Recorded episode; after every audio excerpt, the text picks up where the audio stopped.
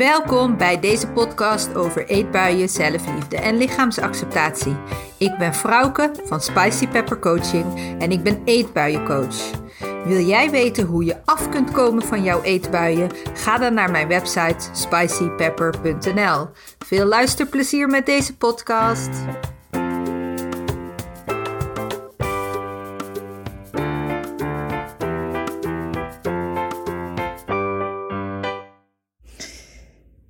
Hey, vandaag wil ik het met je hebben over het gevaar van diëten.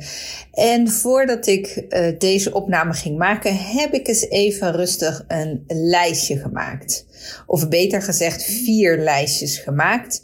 En ik heb allemaal dingen opgeschreven die je er gratis en voor niks, maar liever niet, bij krijgt als je bezig bent met het volgen van een dieet of het volgen van je eigen eetregels in je hoofd. En uh, vaak is het namelijk zo, dat wil ik dan meteen wel even duidelijk maken. Als ik het heb over diëten, dan heb ik het niet per se alleen maar over de bewuste dieeter die een dieet heeft gedownload van internet of lid is van de Weight Watchers met de app of um, een dieet volgt uit een boek dat je van je vriendin hebt gekregen, maar ook over de onbewuste dieter. En de onbewuste dieter is dus iemand, en dat ben jij misschien ook wel, die niet speciaal een dieet volgt, maar wel allerlei eetregels in haar hoofd heeft. Over het eten van zo weinig mogelijk koolhydraten. Of niet meer eten na acht uur. Of dat chips en chocolade ongezond zijn en paprika's gezond zijn. Of dat je alleen maar light mag drinken en koffie. Dat je maar twee tussendoortjes mag op een dag. Of dat je maar één koekje bij de koffie mag. Nou, dat zijn allemaal eetregels. En als je daarmee bezig bent, dan kun je jezelf beschouwen als een onbewuste dieter.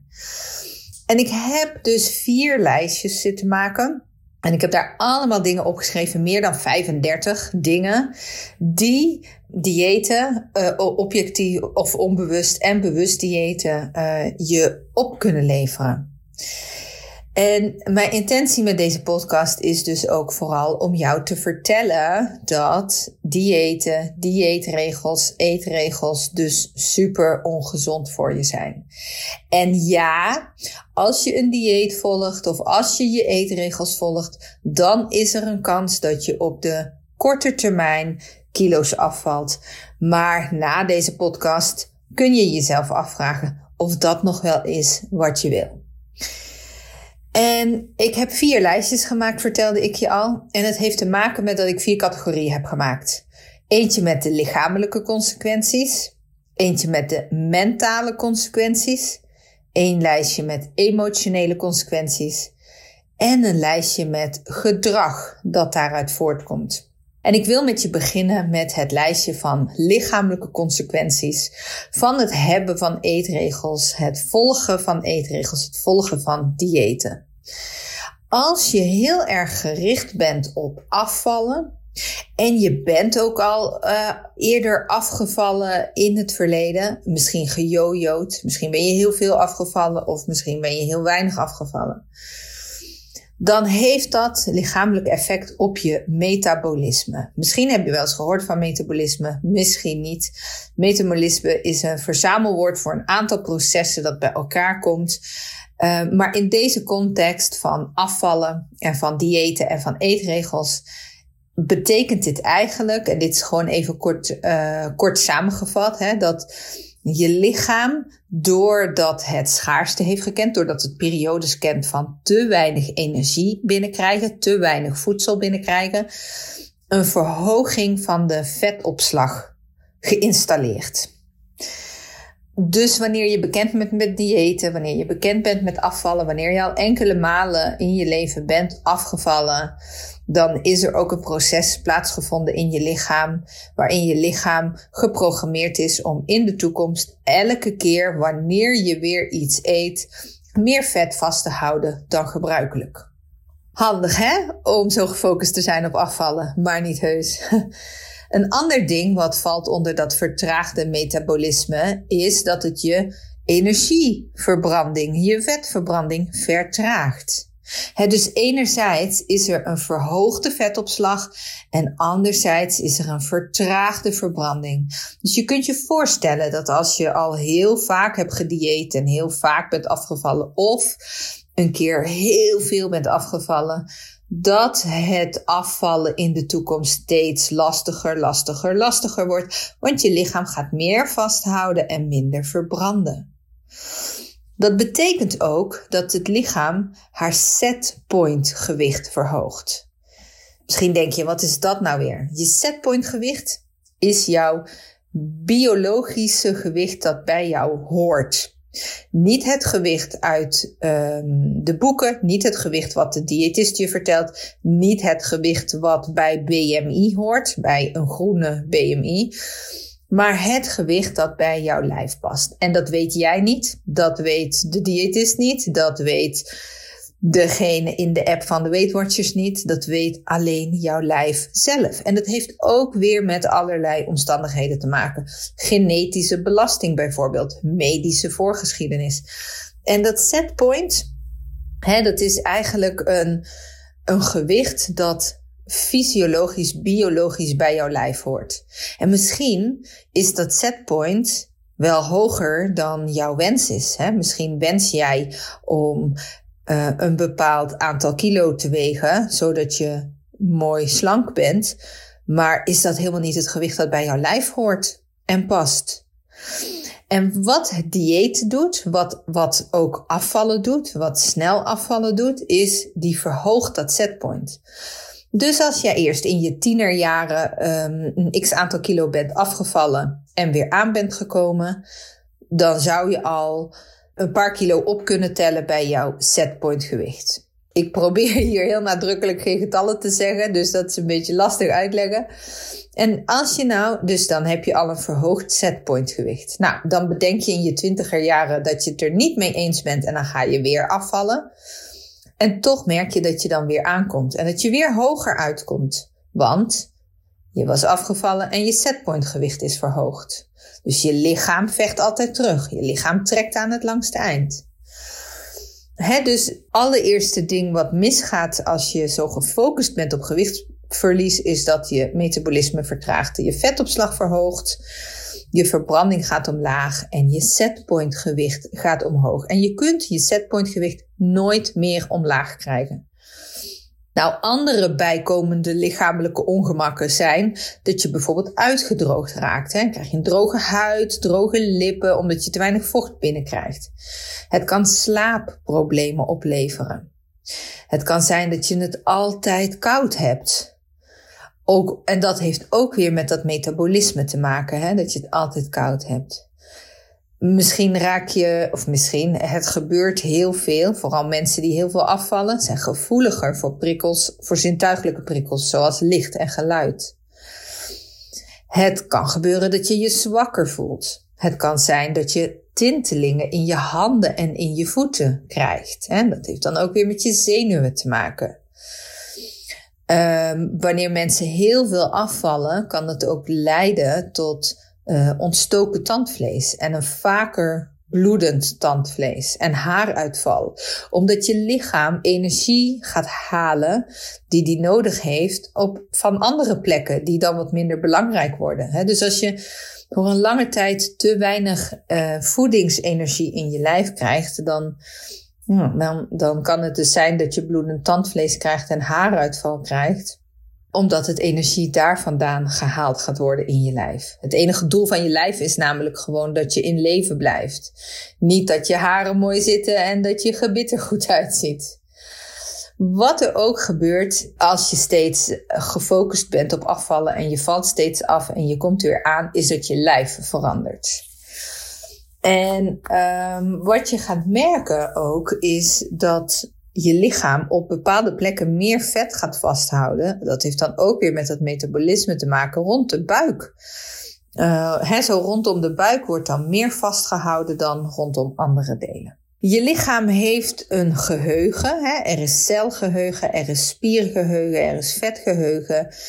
Um, dus je lichaam weet ook dat het tekort heeft gehad. Dat zit in het geheugen.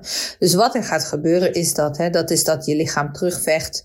Dat je steeds weer trek krijgt in eten. Dat je meer wil eten, dat je wil overeten. Omdat je lichaam nog in zijn geheugen heeft gegrift dat er ooit een tekort is geweest. En dat mag niet meer, hè, want dat stroomt in tegen het voortbestaan van je lichaam. Dus dat, dat is ook wel echt een, een lichamelijke consequentie van diëten. En dat geeft ook stress. En hè, zo gefixeerd zijn op afvallen en, en zo krampachtig bezig zijn met eten, geeft stress. En stress maakt meer cortisol aan in je lijf. En cortisol dat heet ook wel het stresshormoon. Maar cortisol is het hormoon dat ook, als daar te veel van is, ook eetbuien kan geven. Het is een eetlustopwekker. Het laat je vooral trek hebben in calorierijk voedsel. En cortisol zorgt ook weer voor die vetopslag rondom de buik. Uh, die verknipte relatie met eten en dat niet luisteren naar je lijf, maar vooral luisteren naar je eetregels en luisteren naar de diëten, zorgt er ook voor dat je niet meer goed kunt afstemmen op je hongergevoel en op je verzadigingsgevoel. En dat heeft ook te maken met hongerhormoon en verzadiginghormoon. Want wanneer je te weinig eet, wanneer je niet luistert naar naar de signalen van honger en verzadiging, maar je gaat eraan voorbij door te eten volgens een schema, raken die hormonen in de war. En wanneer die hormonen in de war raken, raken ze uit balans. En dat heeft dan de consequentie dat jij ook niet meer weet wanneer je vol zit. Met als consequentie dat overeten veel gemakkelijker gaat. Nou, dus dit was enkel en alleen al een rijtje met lichamelijke consequenties van ja, gefocust bezig zijn met afvallen, een verstoorde relatie met eten hebben door te diëten en door eetregels te hanteren. En ik wil nog even toevoegen hè, over dat setpoint verhaal, want daar heb je misschien dan nog wel vragen over. Daar heb ik al eerder een podcast over gemaakt. Dat was in november 2020. Dat is podcast aflevering nummer 20. Hoe bereken ik mijn ideale gewicht? Die gaat daarover. Daarin leg ik het je nog wat duidelijker uit. Dus als je daar nog interesse in hebt, dan zou ik zeker die podcast even opzoeken. Dan komen we bij het rijtje mentale consequenties. En mentaal, dat betekent eigenlijk vooral gedachtes, mindset. Dat is iets anders dan emoties, want emoties zijn gevoelens. Dus Mentaal, gedachtes, mindset. Nou, he, het krampachtig bezig zijn met eten, het krampachtig bezig zijn met je lijf, het bezig zijn met afvallen met diëten en eetregels, zorgt ervoor dat je continu bezig bent in je hoofd met eten en dus eetgedachtes. Het geeft je ook negatieve gedachtes als het in jouw hoofd, in jouw beleving mislukt. Hè? Dan zijn het gedachtes van falen, gedachtes van mislukken, gedachtes van ik kan dit niet, ik hou het niet vol, gedachtes van machteloosheid. Kan ook positieve gedachten geven wanneer het wel goed gaat. En de vraag is, is dat dan erg, vrouwke? Is daar iets mis mee? En daar is iets mis mee wanneer jij dit doet, juist voor de complimenten, voor de waardering, hè, om positief gevoed te worden. Het is een probleem als jij je validatie haalt uit de complimenten van anderen, de opmerkingen van anderen. Als jij, het is niet oké als jij je alleen maar goed kunt voelen als andere mensen jouw complimenten geven. Dus ja, daar is wel iets mis mee. Wat doet het nou verder nog meer? Het gaat je in je hoofd dat je je lijf gaat vergelijken met andere lijven. Dat je jouw eetporties of jouw eetpatroon gaat vergelijken met andere mensen. He, misschien ga je samen in een restaurant en wordt het een wedstrijdje voor jou dat jij denkt: Oh, maar zij pakt een toetje, maar ik slaat die over hoor. Goed van mij, hè? Dat is niet fijn. Dat is helemaal niet fijn om daar de hele tijd zo mee bezig te zijn. En, en waar, waar het verder mentaal ook nog aan bijdraagt, is dat het kan zorgen voor stiekem eten. En daar komen ook allerlei stiekeme gedachten en gevoelens weer bij kijken. Hè? Dus um, het geeft je eetgedachten, het geeft je obsessieve, voortdurende eetgedachten. Het geeft je zowel negatieve gedachten van mislukking als positieve gedachten. Um, je moet dat eigenlijk niet willen. Dat je positieve gedachten alleen maar kan halen uit complimenten van andere mensen. Het maakt dat je dus meer je lijf gaat vergelijken met andere lijven. Je eten gaat vergelijken met andermans eten. En dat je dus meer stiekem gaat eten. Wat ook allerlei stiekeme gedachten weer met zich meebrengt. Dan gaan we naar het derde lijstje, emotioneel. Want poeh, het verzorgt emotioneel ook wel voor heftige consequenties hoor. Op de allereerste plaats geeft het je stress. Hè? Emotioneel, dat zijn gevoelens. Het geeft je stressgevoelens. Want je bent de hele tijd bezig om doelen te behalen, om regels na te streven, om te voldoen aan bepaalde verwachtingen. En vooral als dat dan niet gaat of je zit jezelf in de weg, dan geeft dat stress. En ik heb je net ook al bij lichamelijke consequenties verteld hè, dat stress zorgt voor overmatig stresshormoon cortisol, wat ook weer zorgt voor eetbuien en vetopslag. Maar goed, stress sowieso niet fijn om te voelen. Het maakt je ook kwetsbaarder, minder weerbaar, meer huilerig bijvoorbeeld. Het maakt je ook meer moe. En je hebt twee verschillende soorten moe. Hè. Je hebt een fysieke moe, dat je lichamelijk uitgeput bent. Hè. Dat kun je vergelijken met wanneer je de hele dag iemand hebt verhuisd. Of wanneer je een, een uur super hard in de sportschool um, hebt gesport. Of wanneer je een uur in tegenwind naar huis bent gefietst. Maar je hebt ook uh, ja, emotionele moeheid. Dat je dat je geen licht meer aan het einde van de tunnel ziet. Dat je niet weet hoe lang dit nog gaat duren. Dat je niet weet hoe je hier nou uitkomt. Dat je niet weet wat je nou anders moet doen. Dat maakt je moe. Zorgt je ook voor een korter lontje ten opzichte van andere mensen. Dat je sneller geïrriteerd bent. Het geeft je minder eigenwaarde. Want die eigenwaarde komt niet meer vanuit jezelf, maar vanuit dieetcultuur, schoonheidsideaal. Het, het moeten hebben van een slank lijf om geaccepteerd te worden. Nou, zeker als het niet lukt, weg eigenwaarde. Eigenwaarde zit niet in een getal. Het zit ook niet in een slank lijf. Eigenwaarde zit in een gevoel. Het geeft je ook angst voor controleverlies. Als je zo gefixeerd bent op afvallen, op diëten, op eetregels hanteren, dan weet je dat het mis kan gaan. En, en dat is die angst voor controleverlies. Dan, dan weet je dat je daarna de controle kwijt bent. Wat ook weer allerlei, nou ja, faal, schaamte, boosheid, gevoelens kwijtraakt. Hè? Dus je hebt het gevoel dat je controle hebt, maar je bent ook heel bang om die kwijt te raken. Wat natuurlijk heel grote onzin is, want je hebt helemaal geen controle, want jouw lichaam, dat heb je net al gehoord, jouw lichaam heeft een eigen geheugen, jouw lichaam heeft een eigen plan, jouw lichaam trekt altijd aan het langste eind. Dus je hebt alleen controle op hoe jouw lichaam gaat reageren.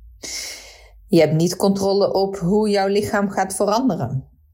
Daarbij komt ook nog sociale angst. En dat is bijvoorbeeld hè, de angst om in gezelschap te eten. De angst om uh, jezelf te laten zien. Hè? Zeker wanneer je in een periode zit dat je bent aangekomen, dat je je schaamt voor je lijf, dat je je terug gaat trekken. Maar die sociale angst, ja, dat stukje sociaal, hè, dat, dat hoort ook een beetje bij dat kortere lontje. Wanneer je snauwerig bent naar andere mensen. Ja, dat is ook helemaal niet sociaal. En het kan je ook echt een gevoel voor mislukking geven. Een gevoel, ja, dat jij niks kan. Want dat is het ook, hè? Het levert zwart-wit. Die had ik nog niet eens op mijn lijstje gezet. Die ga ik er nu bij schrijven. Het levert zwart-wit gedachten op. Zwart-wit gedachten Dat, dat komt eigenlijk, zeker wanneer je vervent dieeter bent of, of vervente eetregelbezitter uh, bent, dan denk je in goed en fout. Dan denk je in gezond en ongezond. En dat geeft eigenlijk zwart-wit gedachten aan. Het is of het een of het ander, maar er is geen middenweg. En zeker als je jarenlange uh, fases kent van diëten of van eetregels, dan train je je algemene brein om zwart-wit te denken. En dan ga je dat ook op andere gebieden in je leven tegenkomen. Hè? Als iemand dan een keer wat minder aardig reageert, dan is de kans groot dat jij daar meteen wat achter zoekt. Dat je denkt, zij moet mij niet. Of uh, hè, met een sollicitatiegesprek minder uh, positieve signalen krijgt. Dat je dan ook heel zwart-wit meteen denkt: nee, ik word het niet. Nee, dit gaat hem niet worden. Dus die zwart-wit gedachten, nou, die horen we nog eens. Hebben we nog even op het lijstje van mentale consequenties geschreven. Dus ik zal even terug bij emotioneel nog even voor je opzommen. Het geeft je stress, het maakt je kwetsbaar, het maakt je moe, het geeft je een korter lontje, het geeft je minder eigenwaarde. Je eigenwaarde is niet een getal, je eigenwaarde is niet een slank lijf.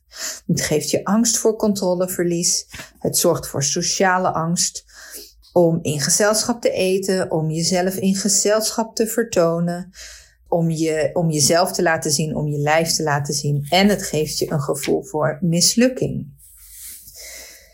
En voor wat voor gedrag zorgt dit dan allemaal? Nou, als je dat lijstje hoort, dan word je er ook niet echt blij van. En ik heb het je net ook al een beetje gezegd. Hè? Het zorgt ervoor dat jij jezelf voortdurend gaat vergelijken met andere mensen. En dat is ook wat je hè, in dieetcultuur ziet op Instagram bijvoorbeeld. Hè, bij al die diëten, bij Weight Watchers, bij Lazy Fit Girl, bij whatever. Mensen posten allemaal voor- en na-foto's. En jij gaat daar naar zitten kijken. Jij gaat daar naar zitten turen. En je gaat jezelf daaraan uh, spiegelen, als het ware. Maar het kan ook zijn, en dat is iets wat ik zelf heel lang heb gehad, dat wanneer je naast iemand zit, of het nou in de trein is of op de bank, dat je zo je bovenbenen formaat gaat vergelijken met de anderen. dus je gaat je lijf vergelijken. Bodychecking heet dat eigenlijk. Maar je gaat ook je eten vergelijken. Hè? Die eet meer dan ik. Um, die eet uh, alleen maar gezond, dus ik ook. Nou goed. Het maakt er dus voor dat je jezelf wat meer wil verstoppen. Je wil jezelf wat meer verstoppen omdat je je niet fijn voelt, omdat je je neerslachtig voelt, omdat je negatieve gedachten en negatieve gevoelens hebt. Je hebt eigenlijk nergens meer zin in. Maar je wil ook je lijf verstoppen. Je lijf verstoppen voor andere mensen door ergens niet heen te gaan. Je lijf verstoppen onder uh, slobberige kleding, te grote kleding. Wat ook zo is, wat veel mensen niet weten, is dat juist dieetgedrag en eetregels heel vaak, eigenlijk bijna altijd, de aanleiding zijn voor een eetstoornis. En dan is het niet zo dat iedereen die een dieet heeft gevolgd of eetregels heeft ook echt een eetstoornis heeft. Dat is niet zo. Maar dieetgedrag, eetregels zijn wel altijd de aanleiding om een eetstoornis te starten. Dus dat is ook belangrijk om te weten. En wat dieetgedrag en, en eetregels dus ook vaak veroorzaakt, is dat je overeet. Hè? Dat je in die fase komt van opheffen van die schaarste en, en dat je gaat overeten. Dan krijg je ook een soort fuck it gevoel dat je denkt, laat maar, het is nu toch al mislukt. Uh, ik heb nu toch al dat gegeten, dus ik kan nu net zo goed all the way gaan bijvoorbeeld. En als laatste uh, belangrijke is dat ja, heel heftig bezig zijn met diëten en heel heftig bezig zijn met eetregels ook zorgt voor verlies van libido. Dat je geen zin hebt in seks, dat je geen seksuele aantrekkingskracht voelt, omdat je zo gefixeerd bent op je lijf en op eten. Uh, maar ook hormonaal verandert daar iets in. Um, en, en het is ook juist dat je zo afgestemd bent op je lijf. En dat je zo ontevreden bent op je lijf. En daarom zo met eten bezig bent, omdat je je lijf wil veranderen. Dat je jezelf heel onzeker maakt. En dat het invloed heeft op je seksleven. Ja, dat is ook echt niet fijn. Weet je, focussen op afvallen is bevestigen dat jij gelijk staat aan je gewicht. En lieve jij, je staat niet gelijk aan jouw gewicht. Je gewicht is maar een gewicht.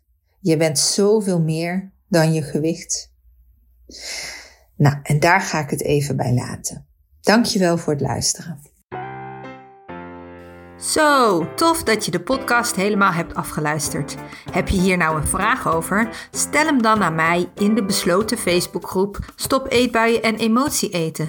Want daar geef ik twee keer per maand een live masterclass en beantwoord ik alle vragen over deze podcast. Ik zie je daar.